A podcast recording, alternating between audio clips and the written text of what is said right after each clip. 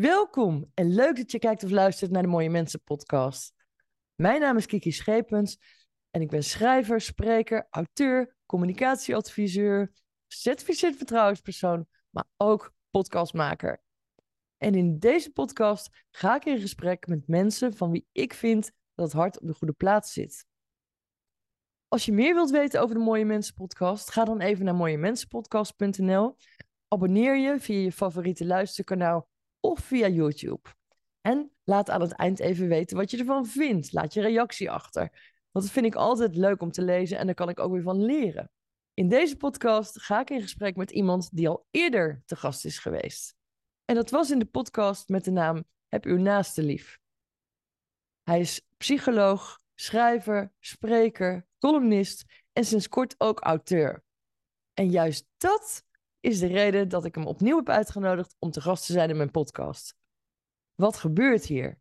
Dat is de titel van zijn boek en daarom ook de titel van deze podcast. Ik wens je heel veel kijk- en luisterplezier samen met mijn gast, mooi mens, Huibrecht Boluit.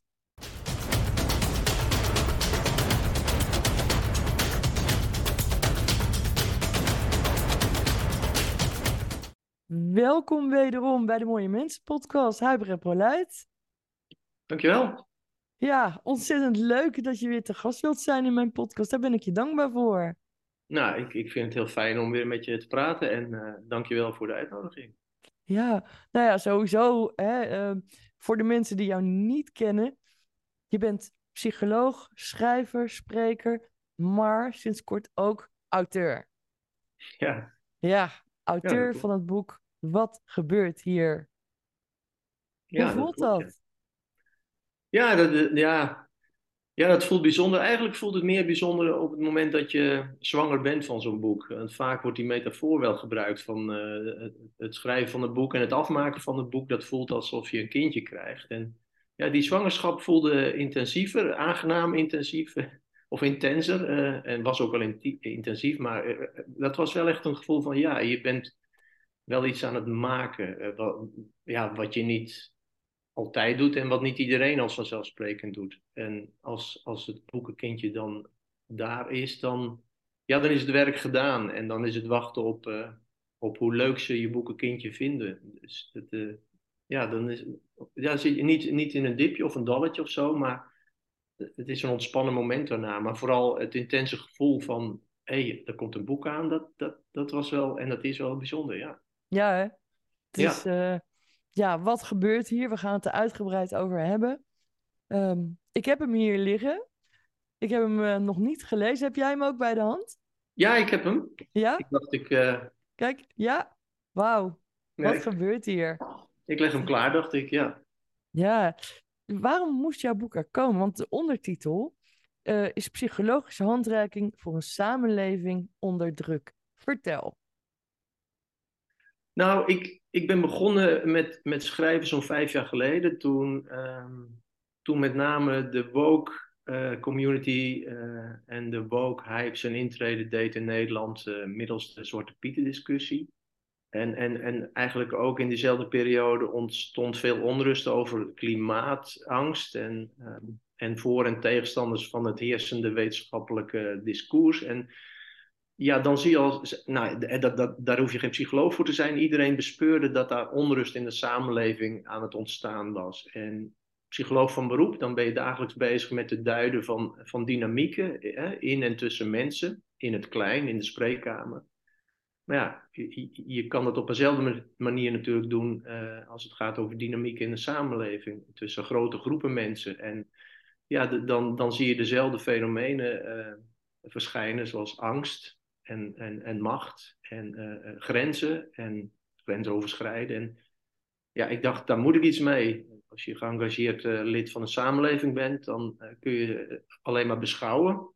Maar daar wilde ik het niet bij laten. En nou, ik, ik vind schrijven leuk. Ik had ook in mijn werk als psycholoog, als het aankwam om het schrijven van rapporten, ook een unieke stijl. Ik, ik had eigenlijk een beetje weerstand tegen de standaard codestijl waar, waar psychologen en, en, en mensen in de GGZ mee communiceren. Het gaat vaak dus met, met allerlei codes en, en, en korte zinnetjes, maar ik schreef vaak verhalend. En ik schreef vooral de rapporten voor de cliënten zelf, zodat, ze, zodat ze hun leven letterlijk weer in leven zagen komen door zo'n rapport. Dus het schrijven op zich vond ik, vond ik leuk om te doen. Ja, daar misschien ook een beetje in getraind dacht ik van ik ga nu ook schrijven over het grote wat er om ons heen gebeurt. En ja, toen plotseling daarna ook corona natuurlijk uh, en alles wat er omheen gebeurde uh, in de samenleving uh, voor veel onrust zorgde, had ik genoeg om over te schrijven.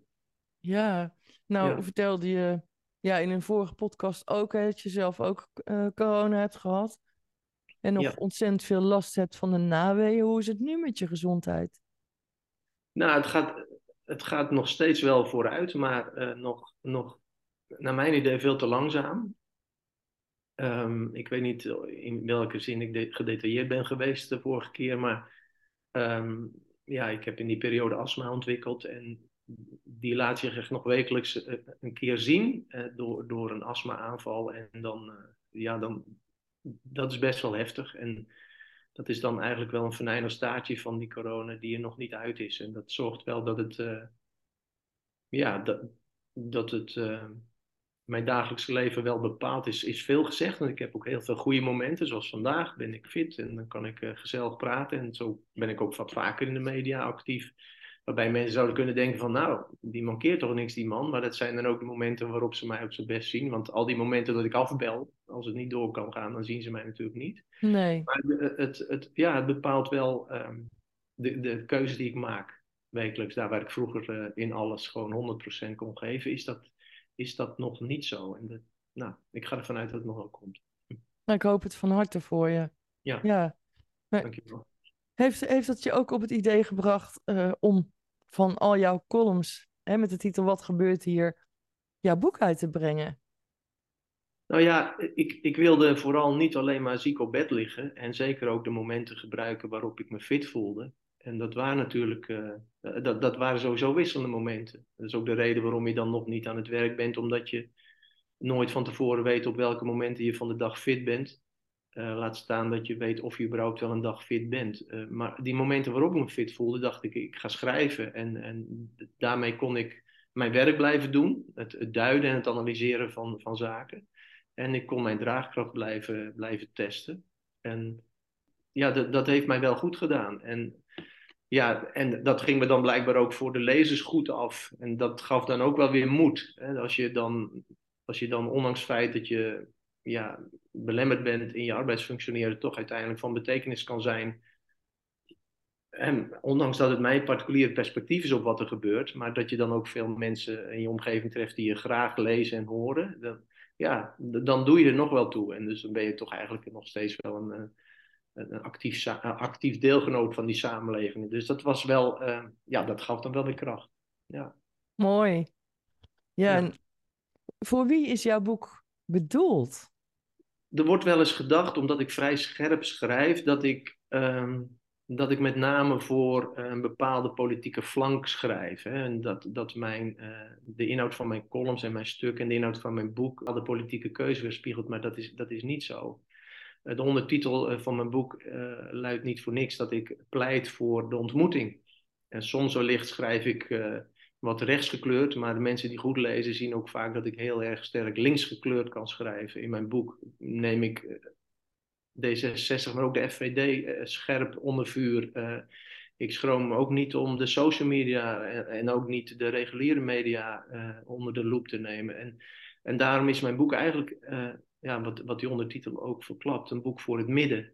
Um, ik, ja. uh, ik denk dat het de tijd is dat we moeten leren begrijpen waarom we zo van elkaar verdwaald zijn. En met die reden ben ik mijn columns gaan bundelen. En het is niet alleen maar een bundeling van mijn columns. Hè. Ik, ik uh, eigenlijk Eigenlijk is, bestaat mijn boek uit, uit uh, bewerkte columns, die sowieso van zichzelf al analytisch waren opgebouwd. Die heb ik eigenlijk tot paragrafen bewerkt, die uiteindelijk dan weer onderdeel uitmaken van hoofdstukken die ik inleid op een wetenschappelijke manier, zodat mensen ja, zien van oh wacht, zo moet ik die columns dan voortaan lezen of zo moet ik het nieuws uh, op televisie leren duiden. Dus het is niet alleen maar sec uh, de columns aaneengeregen, uh, het, het, ze zijn ingebed in een bredere wetenschappelijke vertaling van, van al die psychologische fenomenen. Wat, wat is nou groepsdynamiek en, en hoe speelt het dan nu een rol? En, en waarom hebben we grenzen nodig? En waarom is inclusiviteit eigenlijk een heel gevaarlijk begrip? Dat probeer ik dan daaromheen allemaal te duiden. Dus ja.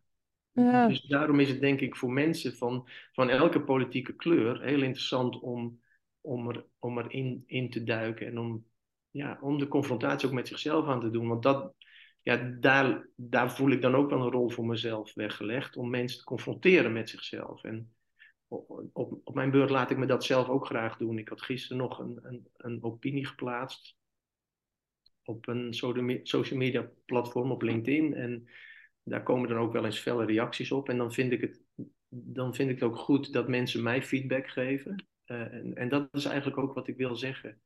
Uh, dat we allemaal vanuit een bepaald perspectief naar de waarheid kijken. Maar op het moment dat we denken dat de waarheid de enige is, omdat we die toevallig zelf omarmen, dan, dan zitten we op een dood spoor. En, en nou, dat probeer ik dus, en ook zeker naar mezelf toe, altijd scherp voor ogen te houden. En maar ook de andere uh, mensen, de lezers, duidelijk te maken. Ja, nou, dank voor jouw toelichting. Ja, zoals ik, zo, zoals ik je ken, ben je ook gewoon een sociaal mens. En ja. Uh, ja. Ja, dat is grappig. Ik had deze week iemand aan de lijn en die las mijn stukken ook. Um, en die zei van, joh, wat ben jij toch anders als ik met je praat? Als ik jouw stukken lees en ik had jou niet gekend, dan denk ik van, wow, die is, die is, die is gepassioneerd en dat ben ik ook. Maar, en, maar die is heel erg uh, heel erg stellig. En als ik dan met je praat, dan, dan merk ik gewoon een heel ander mens. En ja, dat, dat vind ik dan ook wel bijzonder, dat, dat blijkbaar in mijn stukken um, iets wordt geraakt bij mensen, wat mij dan vervolgens doet lijken op iemand die alleen maar stellig is.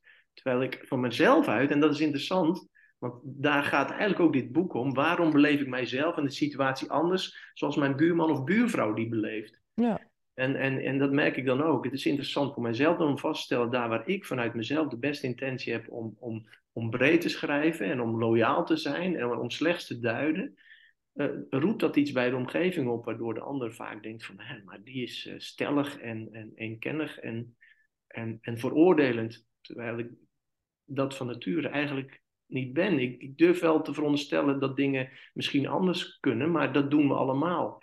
Maar daarbij zit altijd de bijsluiten van kom laten we er wel samen over praten. Ja, ja dat, dat vond ik ook zo. Want ik, ja, ik ben in jouw boek een heel klein stukje begonnen. Um, ik heb het voorwoord gelezen, de inleiding. En in op een van de eerste pagina's las ik dat je eigenlijk wars bent van Zoom-meetings en dergelijke. En dat alleen al denk ik, nou, je schuift toch aan in de Mooie Mensen podcast.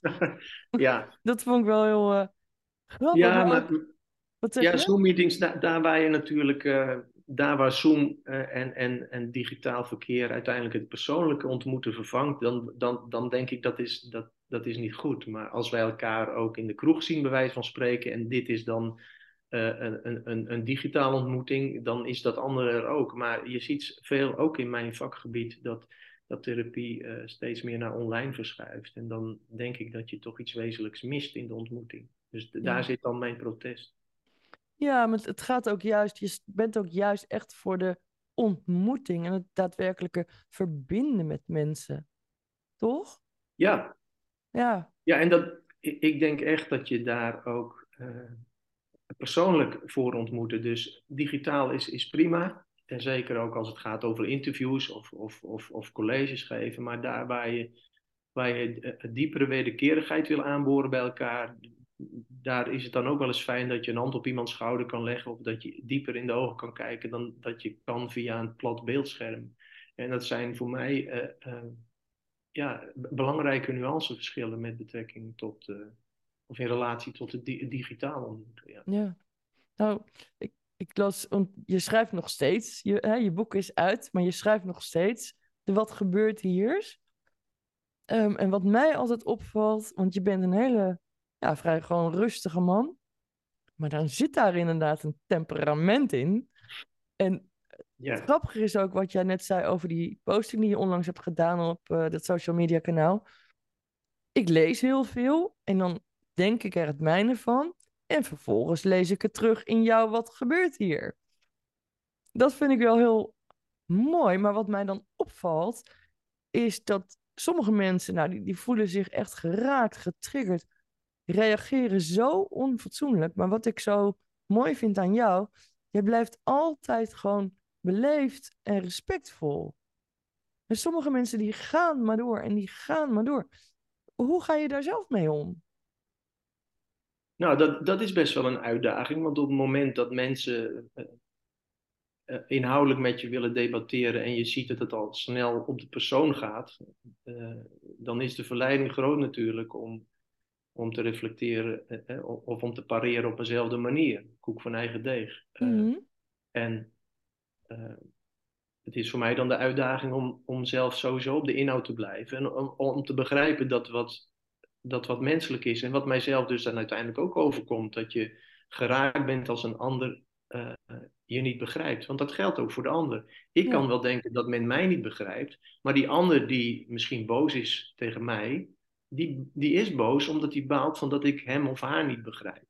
Hm. Uh, dus zolang ik blijf, blijf zien dat het een normale menselijke reactie is, los van het feit natuurlijk dat je nooit met haat en modder moet smijten, maar dat in de kern de spanning bij die ander ontstaat omdat die zich niet begrepen voelt, uh, dan kun je daar wel veel makkelijker begrip voor opbrengen. Hm. En, um, en dat, is, dat is lang niet altijd makkelijk, omdat ik vanuit mezelf weet dat ik ook met de beste intentie handel uh, en, en dat ik graag mezelf wil laten voeden door de ideeën van de ander. Is het, is het dus lang niet altijd uh, eenvoudig te begrijpen dat een ander mijn beste intenties niet snapt. Maar ik snap dan meteen dat die ander op dezelfde manier zo naar mij kijkt. En dat is precies wat ik met mijn boek probeer uit te leggen. We willen vaak niks anders dan wat we zelf willen. Maar het is in, in het huidige tijdgericht zo moeilijk, blijkbaar, om dat nog te snappen. En, uh, en dat vind ik ook wel een teken van de tijd. Dat we denken dat de ander het alleen maar slecht met ons voor heeft. Mm uh, en, en, ja, goed, vorige week had ik nog een optreden in de media. Daar ontstond dan ook aan zo'n, aan zo'n praattafel een, uh, een, een, een, debatje met een andere tafelgast over. Die heel stellig reageerde van ja, maar als ze het niet snappen, dan, ja, dan ligt het echt aan hun, want de feiten zijn toch wel heel duidelijk. En dan denk ik van ja, maar wacht even, dat is vanuit ons perspectief of vanuit jouw perspectief. Maar die ander heeft ook een perspectief waar de feiten duidelijk voor, voor, klinken. En als je dan zo stellig blijft, blijft roepen, maar mijn feiten zijn de ware feiten, dan, ja, dan, dan loop je vast. En dat doen we nu met z'n allen in de samenleving op, op alle manieren. Dus terugkomend op je vraag, dan is het voor mij juist de opdracht, in het verlengde van wat ik in mijn boek probeer uit te leggen, om, uh, om vooral bij mezelf te blijven en, en te relativeren waarom die modder naar me toe wordt gegooid. Hmm. En, ja, ja, dat is soms wel even moeilijk, maar. Uh, ik merk wel dat het mij en, en, en het gesprek dan met die, met die boze ander wel helpt. En ja, ik had dan gisteren ook, daar had ik het net al een beetje over, ook een pittig gesprek met iemand. En ik zei op een zeker moment van, nou, wij komen er dus nu niet uit. Dus ik laat die bij, ik wens je een fijne avond. En dat triggerde die andere persoon ook weer. Ja, fijne avond. Ja, fijne avond. Ja, dat is lekker hè, zo makkelijk. En, zo, zo kom je er vanaf. Ik zeg, nou, ik heb het idee dat we niet uitkomen. Jij hebt dat ook. Laten we het dan rusten en dan treffen we elkaar weer later. Maar die fijne avond meen ik dan ook echt. Maar die ander snapt dan weer niet dat ik dat dan meen. En, nee, ja. Maar, maar het, het, voor mij dus letterlijk ook door zo'n affectieve uiting van fijne avond is voor mij. Dat wil ik ook echt die man in dit geval wensen, een fijne avond. Omdat ik weet dat ik het fijn vind dat als men mij een fijne avond wens, dat je in vrede uit elkaar gaat. Wat is er nou mooier? Dus Dat, ja, dat is wel wat mij dan toch drijft ook als men met modder gooit. Ja, maar dat meen jij ook. En ja, als ik zelf jou, hè, die reacties lees, dan vind ik het altijd knap dat je reageert. Want ik zou zelf, denk ik van nou, dat, zoveel negatieve energie, uh, daar ga ik geen, geen, ja, geen input aan leveren. Uh, maar jij gaat wel het gesprek aan. En ik zou het dan wel eens heel interessant vinden om jou bijvoorbeeld bij Vandaag in Site te zien of zo. Ja, dat zou ik wel, ja. Nou goed, uh, mocht ene redactielid dit zien. Ja. Maar ik denk dat het dan wel heel, eh, heel erg kan gaan knallen, maar op een positieve manier. Ja, nou ja, weet je, eh, eh, aan dat programma vind ik het ook wel mooi. Uh, dat zij um, zij zijn ook zichzelf. En zij hebben ook een groot incasseringsvermogen. En, en nou, dat sluit wellicht. Ik zeg het dan op een gepolijste manier. Ik, ik leg uit waarom ik daarmee kan dealen. Uh, en zij zijn misschien wat korter door de bocht. Maar volgens mij vertrekken ze op hetzelfde punt. En dat, dat zeggen ze ook wel eens. Van ik heb respect voor wat een ander vindt. Ja, en als een ander mij niet respecteert, dan ligt dat probleem daar. Maar ik ga niet met modder teruggooien. Want wat brengt mij dat? Dat, dat zorgt alleen maar dat zorgt voor negativiteit. Ja. Dus ja. Nou, soms denk ik ook wel eens, denk, een leefje reactie. Denk, oh Huibrecht, denk om je bloeddruk, denk om je hartslag. ja, maar terwijl ik dit zeg, denk ik ook gelijk aan het programma Heartbeat. Er was ooit een persiflage op van, oh, ik zie je ja knikken. ja, met uh, Inge de Bruin. Hè? Dat ja, Inge de Bruin met ja. ja, die is echt geweldig. Dat is een aanrader voor de kijkers van je podcast, om die terug te zien. Ja, ja. ja dat is echt heel erg. Dat, dat was geweldig. En um, ja, want je zei al net wat zelf over, over jouzelf. Maar als je nou jezelf zou moeten omschrijven in een paar kernwoorden, hoe zou jij jezelf omschrijven? Um, nou ja, wel een hoog rechtvaardigheidsgevoel. Maar daarmee maak ik dus weer meteen de kanttekening dat het is vanuit mijn perspectief en vanuit mijn mens- en maatschappijbeeld en vanuit mijn idee van hoe de wereld het best functioneert. Dus daarmee relativeer ik dus ook alweer de waarde van mijn beeld op de dingen. Maar goed, daar wil ik dan wel graag over in gesprek met mensen. En aan de andere kant ja, hoort daar ook een gevoeligheid bij. Ik denk wel dat ik een hooggevoelige mens ben. Die vooral op de vrede en de harmonie is gericht. Maar niet zonder meer. Het is niet uh, de empathische goedzak die, als, die alsmaar meehobbelt omdat er anders, anders onrust ontstaat. Dat niet. Ik, ik ik zoek naar diepere lagen in het contact met mensen. Uh, en om, om daar uiteindelijk die verbinding tot stand te brengen. Want alles wat oppervlakkig is, ja, dat, dat roest snel weg. En dat stelt vaak weinig voor, dat slijt. Maar als je die, ja, een diepere verbinding met mensen weet aan te gaan, dan, uh, ja, dan, dan, dan geeft dat kleur aan, aan de relatie met die mensen ook. Um, en, en je leert en je voedt jezelf. Ja. ja. En als ik dan mensen tegenkom die, ook als het gaat over debatteren over sociaal-maatschappelijke en politieke thema's, die heel kort door de bocht, maar aan die oppervlakte blijven snorkelen, ja, dan, ja, dan, dat voedt mij niet. Dus met dat type mensen verbind ik ook niet zo snel. Nou, dat is, dat is iets meer dan een paar kernwoorden, maar dankjewel. Oh, sorry. Oh ja, maar, maar, ja, ik praat, ik praat misschien wel uitgebreid. Is dat ook nog iets wat mij tekent? Maar ja, dat zal beroepsdeformatie zijn. Je probeert natuurlijk altijd als psycholoog zo goed mogelijk duidelijk te maken wat je, wat je bedoelt. En... Is ook helemaal niet erg, want dan krijg je de mooiste gesprekken. Oké. Ja. ja. En, maar als je nou kijkt, hoe zou je nou denken dat jouw dierbaren jou zien? Of zouden omschrijven? Wow. vergeef me, ik vind het ook echt zo'n dating site programma ja. vraag, maar ik ga hem je toch stellen. Ja, dat is wel een goeie. In een paar kernwoorden. Uh, mm, ja, gepassioneerd. Fel, denk ik toch. En poeh. lief, denk ik ook wel. Ja, dat denk ik toch wel. Hm. Ik weet het. Oh, oké.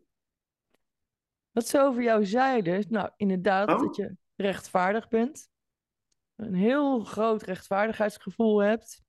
En ook absoluut niet kan tegen onrechtvaardigheid. Dat je heel zorgzaam bent, heel vreedzaam, vredelievend, een hele trouwe vriend. Ontzettend betrokken. Eh, vooral ook eh, vroeger bij school, bij jouw zoons. Uh, bij, bij de voetbal en hun sporten. En dat je een ontzettend lieve vader bent die zijn kinderen enorm stimuleerde in hun talenten. En nog meer. Nou, dat klinkt echt mooi. Ja. Verlegen, ja.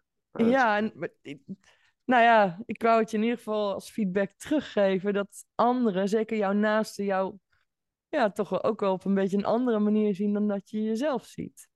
Ja, ik hoor in ieder geval niets van dat vellen. Dat is wel grappig. Nou, um, onrechtvaardigheid. Ik heb wel ook gehoord dat je een keer vroeger uh, bij een school echt met je vuist op tafel letterlijk hebt geslagen. En dat kwam vooral ook door jouw gevoel van onrechtvaardigheid, hè, dat wij niet tegen kunt, maar ook om als betrokken vader voor je kind op te komen? Ja, misschien moet ik dat toch toelichten, omdat anders misschien het beeld ontstaat dat ik heel snel eh, agressief word. Nou, dat word ik juist niet. Maar ehm, dat had te maken met destijds met het, eh, het pesten van mijn zoon stelselmatig. Waarbij het hoofd van de school te laf was om daar werkelijk werk van te maken. En ik het geluk had dat ik een, een bevriende oud gymnastiekcollega eigenlijk op die school trof die daar les gaf. En die wel uiteindelijk het probleem heeft opgelost later. Maar voor die tijd inderdaad een gesprek heb gehad met, eh, met de directeur. En hem elk detail van de pesterij kon voorleggen. En hij het nog niet erg genoeg vond om, eh, om daar actie op te zetten. Toen heb ik hem gezegd, joh, als jij werkelijk iets wil doen aan wat je met je protocol uiteindelijk predikt als goede en veilige school, dan druk je nu op die bel en dan trommel je alle leerlingen op in de aula en dan ga je vertellen dat er zero tolerance is voor het pesten van zwakke, de zwakkeren of de kwetsbaren. Mensen, eh, mensen met kleur of mensen die homo zijn of mensen die op een andere manier buiten de, de grote middengroep vallen. Zei hij, nee, dat ga ik niet doen. Hm.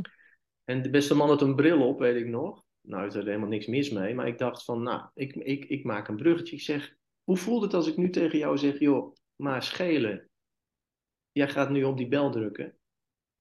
Toen zegt hij, wat zeg je me nu? Ik zeg, ja, schelen. Je hebt toch een bril op, noem ik jou schelen. Ik zeg, dat is niet fijn, hè? En dat is ook onredelijk, hè? Ik bedoel, want je hebt slechte ogen, daarom draag je een bril. Dat is wel hoe waar kinderen mee gepest worden. Ik zeg, hoe, voel- hoe voelt dat? Ja, en toen zei hij van, nou, ik vind het maar een gekke vergelijking. Ik zeg, nou, het is, het, het is zo. zo dit, dit is pijnlijk en dit, dit, dit verwacht je niet. Ik zeg, en, en zo gaan kinderen dan elke dag naar school. Ja, Ehm, waaronder ook mijn kind die om bepaalde redenen wordt geplaagd. Eh, en jij wil er niks aan doen. Zeg, dan ben jij een klootzak. En eh, toen heb ik gezegd van, jij bent geen knip voor de neus waard. Dus op die manier sloeg ik dan even met mijn lijst op tafel. ja, maar anders. de- de- Ik ben blij ook dat je het zelf eh, voorstelde om dat wat toe te lichten. Want dat was mijn volgende vraag. Licht dus toe. Oké, ja. Dus dat heb je bij deze gedaan, dankjewel. Maar anders had je ook de pesters een vrijbrief gegeven om maar door te gaan met hun gedrag, omdat de school er niks aan deed. Ja, Ja, Ja, ik had natuurlijk zelf ook tien jaar eh, eh, ervaring opgedaan. Ik heb, voordat ik eh, de psycholoogpraktijk ging, tien jaar lesgegeven in het, in het onderwijs. En ik heb daar genoeg ook van mijn collega's gezien die wegkeken op het moment dat er gepest werd. Van, nou, dat los ik liever niet op. Ik ga liever naar mijn koffie. Laat het een mentor maar doen. Of eh, de jongens eh, zoeken dat zelf wel uit onder elkaar. Nou, daar had ik een broertje dood aan.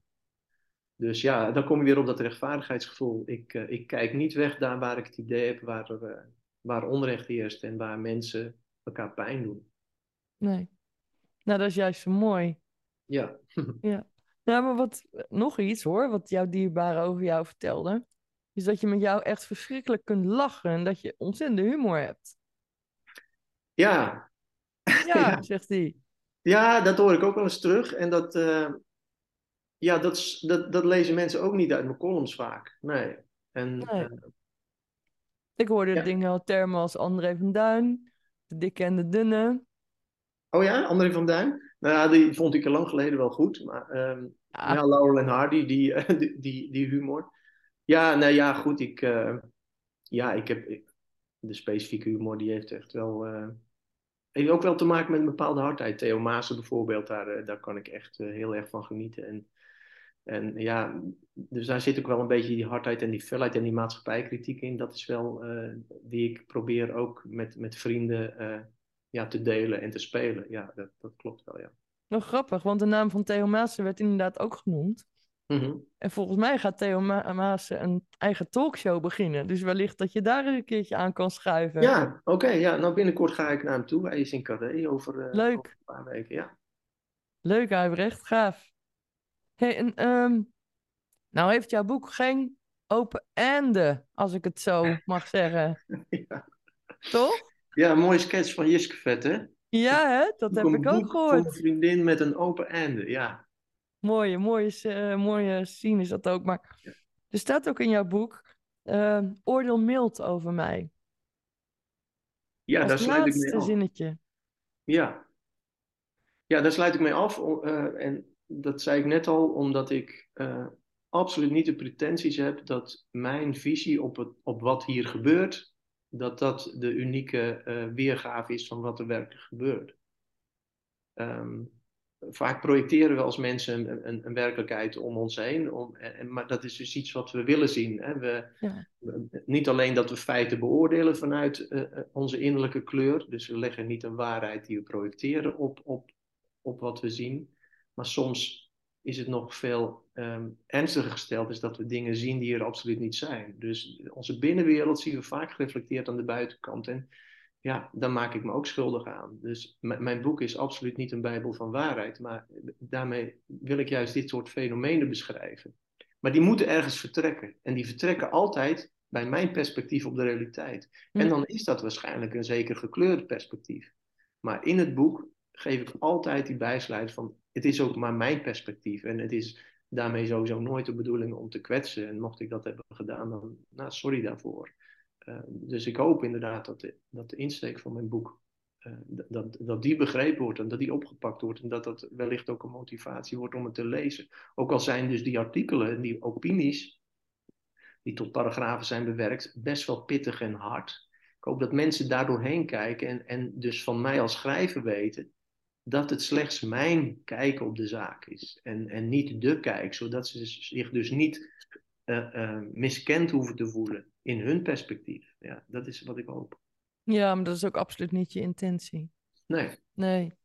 En als mensen nou jouw boek willen kopen, waar kunnen ze dan het beste terecht? Um, nou, in, in elke lokale boekhandel uh, ligt het, denk ik, inmiddels wel. En het is ook online te bestellen bij de ja, meest vanzelfsprekende online aanbieders. Ja. Oké, het boek Wat gebeurt hier van Huibrecht Poluit. Ja. Ja. Hey, Huibrecht, komt er nog een tweede boek? Want je bent alweer nieuwe columns aan het schrijven. Ja, ja. ja. Nou ja, ik denk de opzet zoals ik dat nu heb gedaan, eh, die, die kun je dan maar één keer doen. Want ik merk wel dat het met het schrijven van de columns, uh, je, ziet, je ziet een herhalend patroon hè, van dynamieken zoals ik die net al heb genoemd, van waar, waarom gaan groepen met een waarheid aan de haal?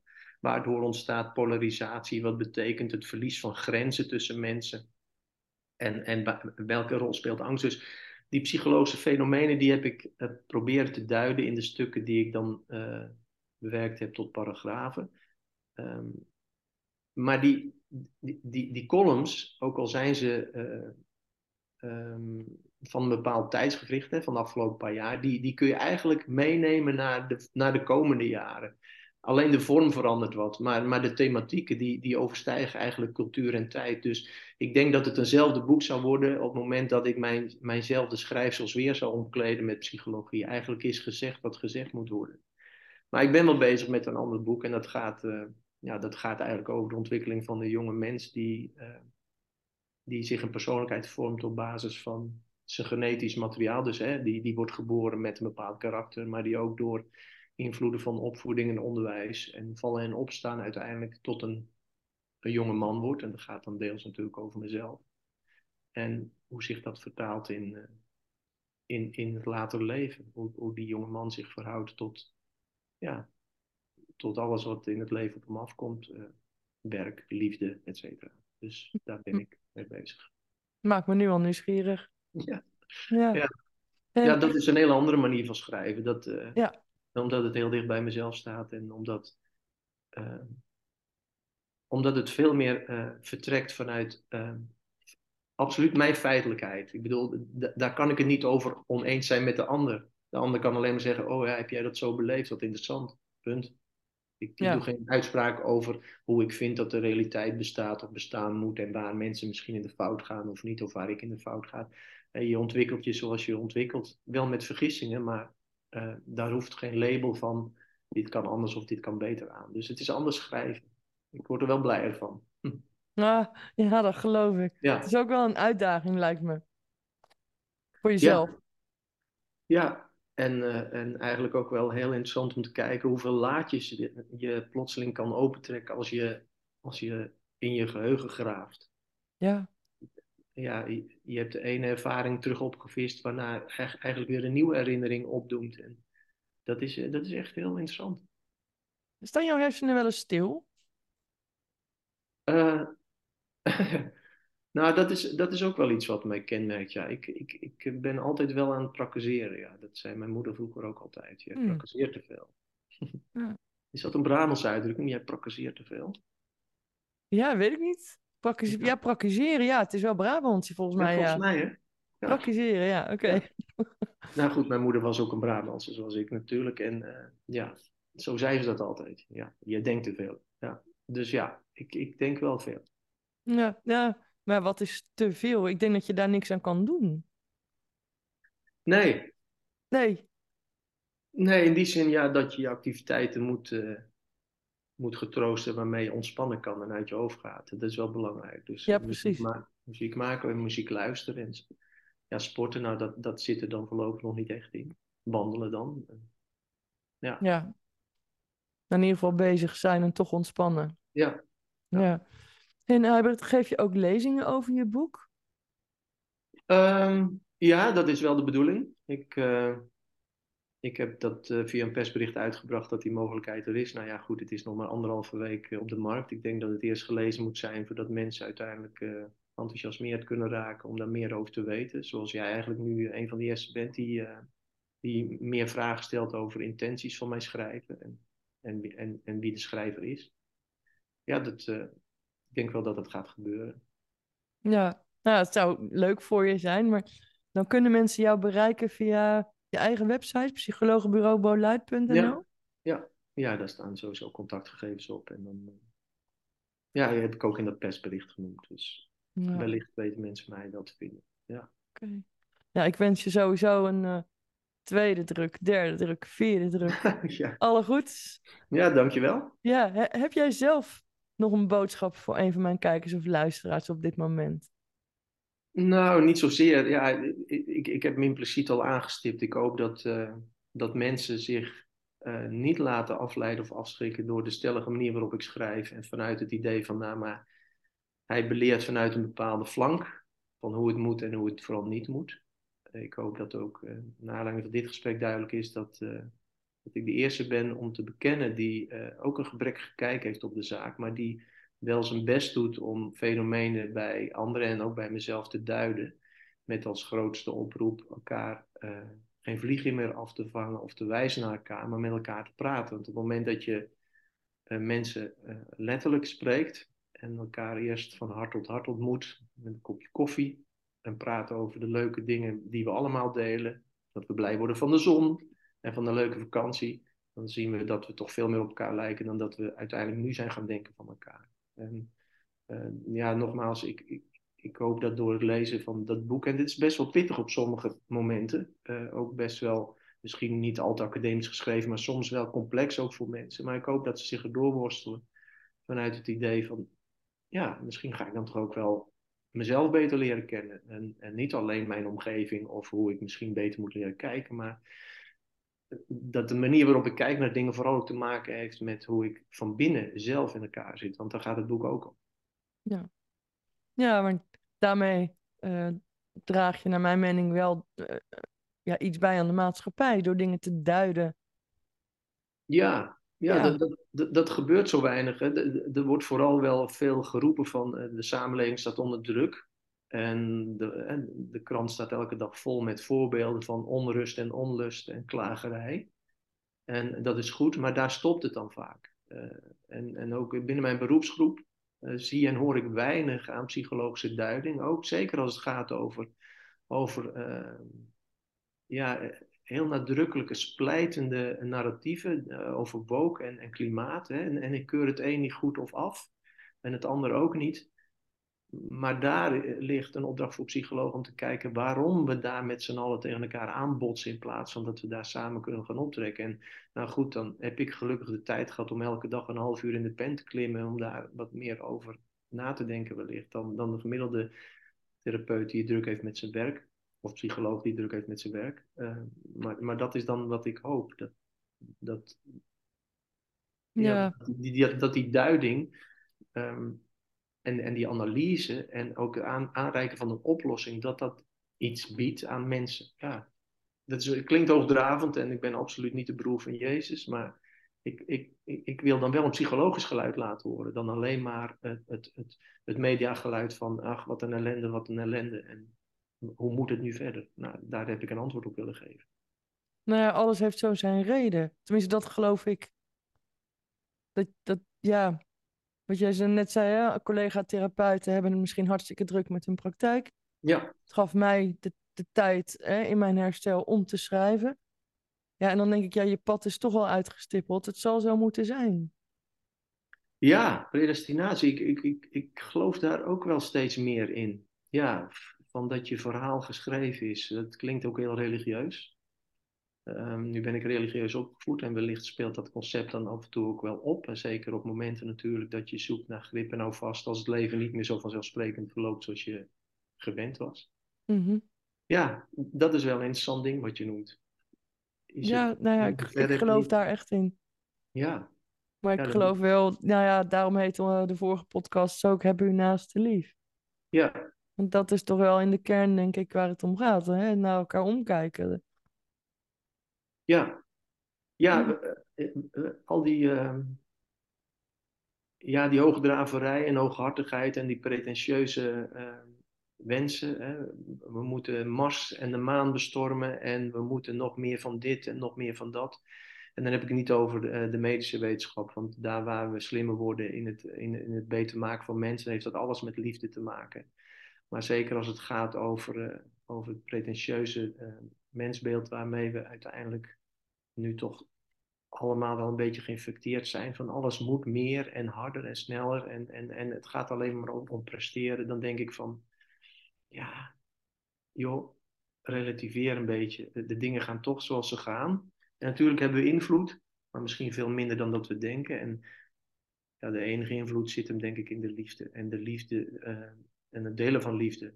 Maar dan moet je vooral dus niet zeggen van, jij doet mij pijn, je moet vooral denk ik leren zeggen, waarom ervaar ik pijn in de ontmoeting met jou? Dat is vooral ook iets in mij wat opgelost moet worden. Dus daarin denk ik is veel meer winst te boeken voor, voor een samenleving en voor een wereld op drift dan uh, de zoveelste technologische uh, ontdekking of vernieuwing.